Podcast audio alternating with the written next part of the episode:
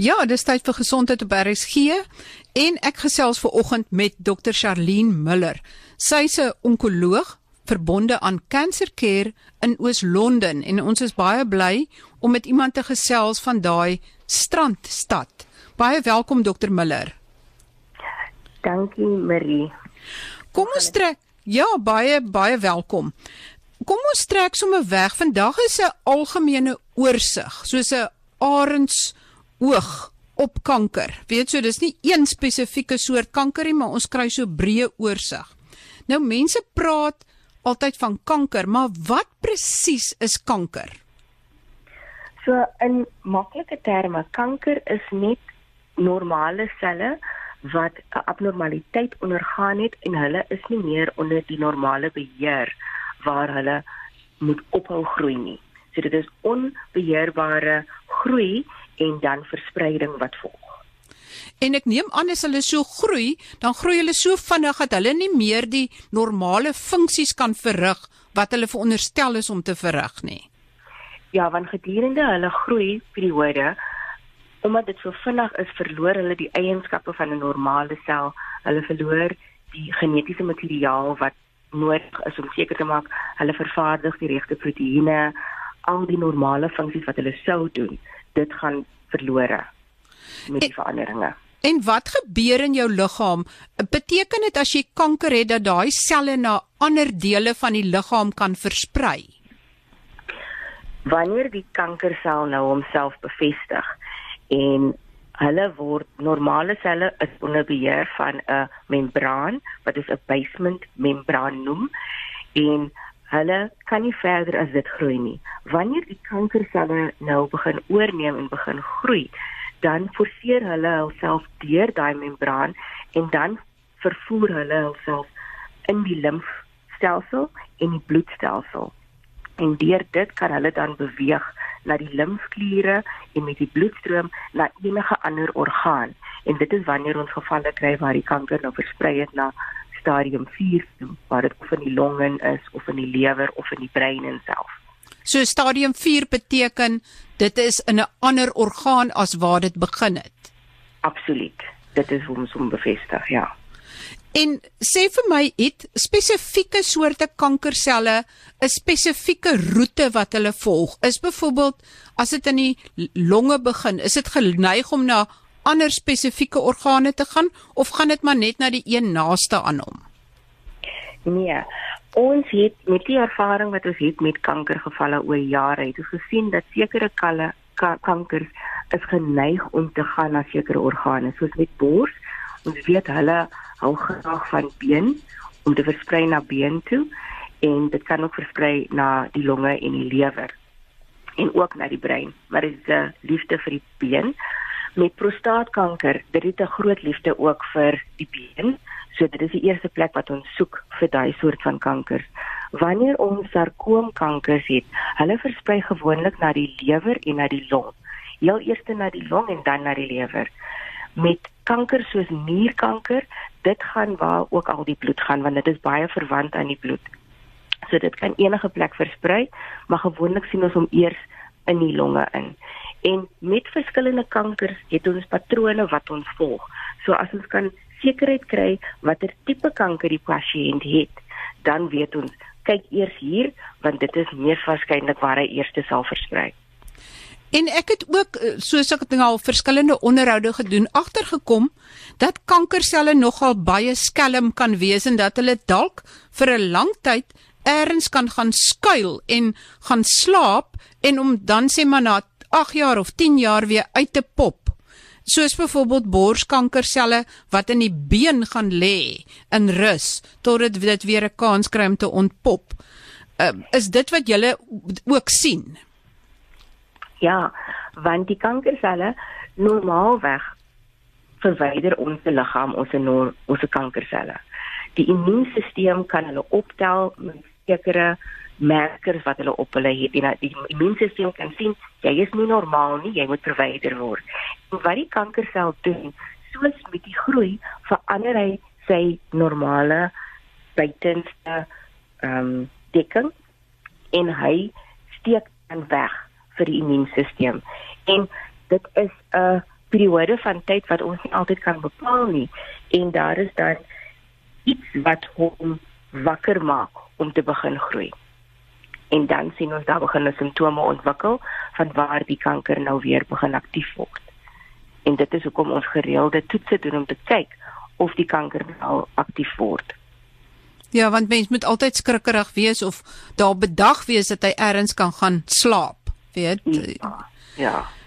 So met ander woorde, as mens van kanker praat, alle kankers, is dit dieselfde of is dit verskillende is dit verskillende goed? As ek praat van maagkanker en lewerkanker en uh borskanker, is dit dieselfde ding of is dit verskillende siektes? Dit is verskillende siektes want al hierdie kankers dit kom van verskillende selle. So 'n lewersel is heeltemal anders as 'n borsel en sy eienskappe is heeltemal anders. So die ontwikkeling van die kanker is die sel groei onbeheerbaar en hy versprei, maar die metode hoe hy daar kom is anders. Van die kankers ontwikkel as gevolg van genetiese abnormaliteite wat ontwikkel. Van die kankers is as gevolg van omgewingsomstandighede wat die kankersel dan aanwakker en die kankers wat dan ontwikkel is effens anders in die manier hoe hulle reageer op behandeling, hoe hulle vorder in die liggaam, van hulle groei baie vinnig, van hulle groei baie stadig. Dit hang net af van die tipe kanker sel wat jy het. Is dit ook hoekom dit so moeilik is uh, om te sê daar's 'n goeie behandeling vir kanker want jy moet eintlik sê daar's 'n goeie behandeling vir borskanker of vir lewerkanker of vir longkanker omdat elkeen verskillend is. Absoluut en dit is wat ons gevind het oor die laaste paar jaar dat kanker is nie net kanker nie. Dit hang af watter tipe kanker dit is, dit is en die behandeling is anders. So wat werk vir bors en wat vir melanoom werk nie miskien vir bors nie.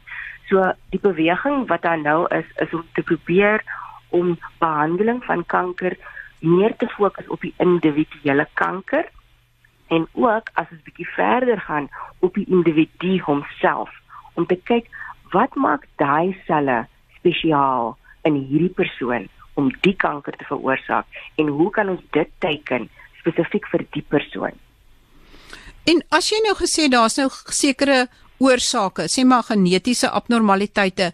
Watter soort kankers is oorerflik of is daar oorerflikheidsfaktor? Die oorerflikheidsfaktore vir kanker is dit wissel. Um, ons weet met borskanker is daar genetiese faktore wat dit beïnvloed en dit is oorerflik as ons sien dat die pasiënt 'n sterk familiegeskiedenis het. Maar van die genetiese abnormaliteite veroorsaak 'n aantal verskillende kankers wat in die maag in voorkom, in die beenmerg, in die eierstokke, in die bors homself en dit is 'n kompleks van kankers wat ons weet dit is geassosieer met hierdie soort van merker en dan daai familiegeskiedenis moet ons aan die familie laat weet jy moet uitkyk vir al hierdie kankers nie net vir hierdie spesifieke kanker nie So dis 'n geneigtheid tot kanker. Ja, van hulle is nie vir spesifiek ehm um, en van hulle is net 'n geneigtheid met kolonkanker, met borskanker, met prostaatkanker. Dis gewoonlik oorerflik, maar daar is ook 'n tipe borskanker wat geneig is om ook eierstokkanker te veroorsaak en maagkanker en sarkoom. Ehm um, en dit mag in die familie wees so wanneer daar gepraat word in die familie oor die tipe kankers wat die familielede het moet ons kyk na al die soort kankers wat plaasvind in daai familie om te sien is daar wel 'n uh, verbondenheid met daai kankers in daai groepe. En as ons dan kyk na omgewingsfaktore wat die kankerselle kan aanskakel of aanwakker, Wat is die belangrikstes waarna ons moet kyk? Sorry. Die belangrikste een wat ons weet in die omgewing is rook. Die studies wys dat 21% van kankersterftes wêreldwyd ehm um, word veroorsaak deur rook. So dit is die een faktor wat ons wel kan beheer. die sonblootstelling wat ons het. Dit affekteer ons risiko vir kanker. En dit is nie net een geleentheid nie, maar dit is oor jare die aantal blootstelling wat ons het aan die son en ook as ons erge sonbrand het vir 'n paar geleenthede. Ehm um, sonbeddens en sonlampe.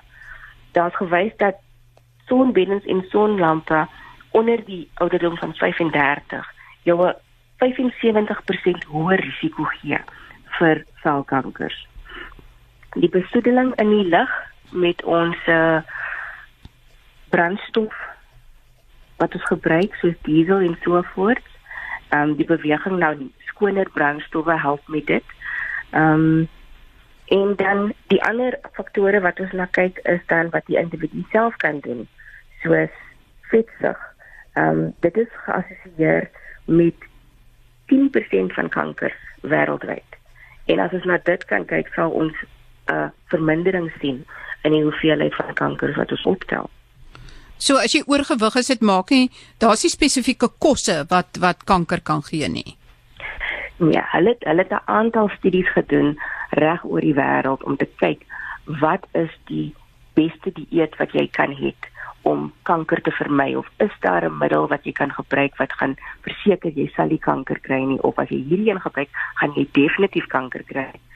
En al twee items wat eintlik enige konkrete evidence het is rooi vleis oormatige inname van rooi vleis weet ons is geassosieer met kolonkanker en dan die inname van tomaties. Dit is bewys om te help om prostaatkanker te se risiko te verminder. Verder as dit al wat ons kan sê ons weet 'n gesonde dieet word aanbeveel met genoeg proteïene en vars vrugte en groente wat jy moet hê in jou dieet, maar meer as dit, daar's niks spesifiek wat ons eintlik kan aandui nie. Dokter Miller, uh, met ander woorde, dit is goed wat 'n mens kan doen en ons gaan net nou vinnig weer terugkom daarna. Mm -hmm. Maar ek wil hoor, is kanker aan die toeneem? Want dit voel vir my almal ken iemand wat kanker het. Is dit omdat die mense nou ouer word dat daar meer dat dit voel of daar meer mense is wat kanker is of neem dit werklik waar toe? Ongelukkig Marie, kanker is op die toeneem. Ehm um, die aantal nuwe gevalle wat gediagnoseer was in die 1970s was 3 miljoen per jaar. In hierdie jaar 2018 was dit 17 miljoen nuwe gevalle net vir daai jaar. En hulle voorspel dat die aantal nuwe gevalle gaan styg met 62% by die jaar 2040. Sjoe. Ja, dit is dit is dit is groot getalle en die rede vir dit dit is ons ons bevolking word ouer. Hoe ouer ons word, hoe hoër is die risiko vir kanker want met tyd saam daar is veranderinge wat in die selle gebeur wat nie deur die immuunstelsel gesien kan word nie en dit kan ontwikkel in kanker. Ook ons het meer blootstelling aan al die faktore wat bydra tot kanker. Die ander rede hoekom ons meer kanker sien, is ons is meer bewus daarvan. Daar is meer programme soos joune, ehm um, wat die algemene gemeenskap bewus maak van die risiko van kanker om te gaan om getoets te word. Die primêre gesondheidsdepartemente kyk ook meer om te sien het ons pasiënte kanker. Hulle doen veldtogte Die ander rede is dat met ons ontwikkeling met die moderne lewe is daar meer besoedeling. Ons leefstyls het verander. Ons dieete het verander. Ons het gegaan van 'n bevolking wat baie aktief was na 'n bevolking wat nie so aktief is meer nie. Ons het meer stres in ons lewens. Daar is ook die nuwe tendens wat ons het as vrouens. Ons werk, ons het minder kinders en al die faktore veroorsaak dat ons meer blootstelling het aan faktore wat kan lei tot kanker. Sjoe, dis nogal ontstellend, maar as jy sê mense is meer bewus daarvan, beteken dit dan ook dat julle proses om dit te diagnoseer beter is en dat daar van die kankers vroeër opgespoor word of word daar nog steeds te veel kankers te laat opgespoor? Nee, absoluut. Daar is veel beter optel van vroeë kankers wat genees kan word. En en dit is 'n baie goeie ding wat nou gebeur het met die bewusmaking van al die gemeenskappe en die en die dokters en die tegnologie wat ons beskikbaar het om diagnose te doen is veel beter as wat dit was 10, 20 jaar terug. So dit maak 'n groot verskil want hoe vroeër ons die kanker kan ontdek, hoe groter is die kans dat ons hom kan genees. En is daar vooruitgang gemaak in die behandeling van kanker en ek praat nou van uh bestralingsbehandeling dat jy dit beter kan mik en van chemoterapie dat dit meer effektief is. So met bestraling het ons baie vordering gehad. Daar is nou voorheen was dit net tweedimensionele behandeling wat ons kon gee. Nou kan ons driedimensionele behandeling gee wat veel beter kan fokus op die area van kanker, maar ons het ook tegnieke wat kanker kan om heeltemal dek met die bestraling en die naasliggende weefsel word beskerm dat dit geen bestraling kry nie. En met die bestraling het ons nou selfs masjiene wat kan beweeg met jou normale liggaamsaktiwiteite. Byvoorbeeld wanneer ons 'n longkanker bestraal, jy haal diep in asem en normaalweg haal jy asem, so daai longkanker, hy beweeg met elke asemhaling. So wanneer ons die bestraling gee, het ons gewoonlik 'n groter area gedek om net daai beweging ook in ag te neem sodat ons niks mis nie. Met die nuwe masjiene wat ons het, kan ons daai beweging uitsluit want die masjien beweeg met die asemhaling wat verskriklike goeie resultate vir ons gee.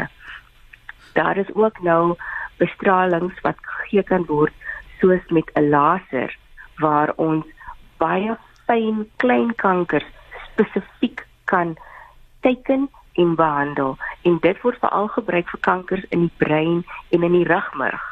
Ehm um, en klein kankers in verskillende areas want dit vermy die risiko dat jy normale weefsel gaan affekteer. Is gamma bestraling een van hierdie uh, bestraling? Dit is gamma bestraling ja. Dit is die gamma bestraling wat hulle doen. So dit is darem 'n goeie vooruitgang en middels um, ek verstaan dat buiten chemoterapie is daar redelik vordering gemaak met alle middels wat meer geteken is op die kanker. Kan jy dalk vir ons so een of twee voorbeelde noem? So in terme van die middels wat ons tans het vir getekende behandeling, byvoorbeeld vir borskanker. Ehm um, daar is 'n aggressiewe merker wat gevind word op die borskanker sel self. Ons noem dit 'n HER2 merker. Dit word geteken met trastuzumab wat 'n uh, teenliggaampie is wat geproduseer word deur die farmaseutiese maatskappye en dit teiken die kanker en gewoonlik hierdie kanker 'n baie kort oorlewingstyd voorspel vir die pasiënt en dit het verander sodat die pasiënt nou dieselfde oorlewing het as 'n pasiënt wat nie daai merker het nie solank hulle daai middel kry. Met melanoom het ons ook merkers wat ons kan teiken. Ehm um, ons het die BRAF mutasie wat ons kan teiken met middels soos vemurafenib ehm um, ons het nou met die immuunstelsel ontdek dat daar is elemente wat op die kankersel vervorm word sodat die kankersel die immuunstelsel kan vermy en as ons dit kan uitsluit dan is daai immuunstelsel weer beskikbaar om daai kanker te vernietig. En dit is die PD-L1 middels en die PD-1 ehm um, teenmiddels wat ons nou het soos pembrolizumab um wat gebruik word vir hierdie kankers wat groot oorlewings baat het vir hierdie pasiënte veral met melanoom en en en sulke soort van kankers maar ook met longkanker. Um ons het die EGFR merker wat ons gebruik in longkanker en in kolonkanker wat ons kan teken met twee verskillende middels. So daar is groot stappe geneem in terme van ontwikkeling van nuwe middels vir kanker. Ek wil en dan wil ek nou nou vra as daar in sulke gevalle nou vooruitgang is, die groter prentjie Kan mens sê dat daar 'n groter kans op genesing is as jy kanker kry of wys die syfers dit nie? Die syfers wys wel daar is 'n groter kans vir genesing want alhoewel die insidens van nuwe kankergevalle verhoog het, die getal van kankeroorlewers is ook hoër. So dit wys dat nommer 1, daar is meer kanker, maar die behandeling is beter. Die pasiënte oorleef langer. En dit is dit is alles tekens dat alhoewel dit baie negatief mag klink, is dit eintlik baie positief. En dokter behandeling is beter. Dokter, as jy wat nou elke dag met mense werk wat eintlik 'n diagnose van kanker gekry het, wat bang is, wat angstig is of so. Uh raak dit jou nie as mens om die heeltyd met mense te werk wat eintlik baie siek is nie? Dit doen Marie, maar die die goeie ding en die positiewe gedeelte van die werk wat ons doen is ons pasiënte kry behandeling. Hulle kom vir hulle chemo, vir hulle bestraling, vir hulle immuunterapie en hulle word beter en jy kan 'n pasiënt sien wat vandag gediagnoseer is en jy kan hulle volg vir 4, 15, 15 jaar en jy kan sien hoe hulle lewe verbeter en jy kan nog steeds baat vind uit die feit dat ja die pasiënt het kanker gehad en ja, ons kyk dat hy nie terugkom nie. Maar die pasiënt het 'n goeie kwaliteit van lewe.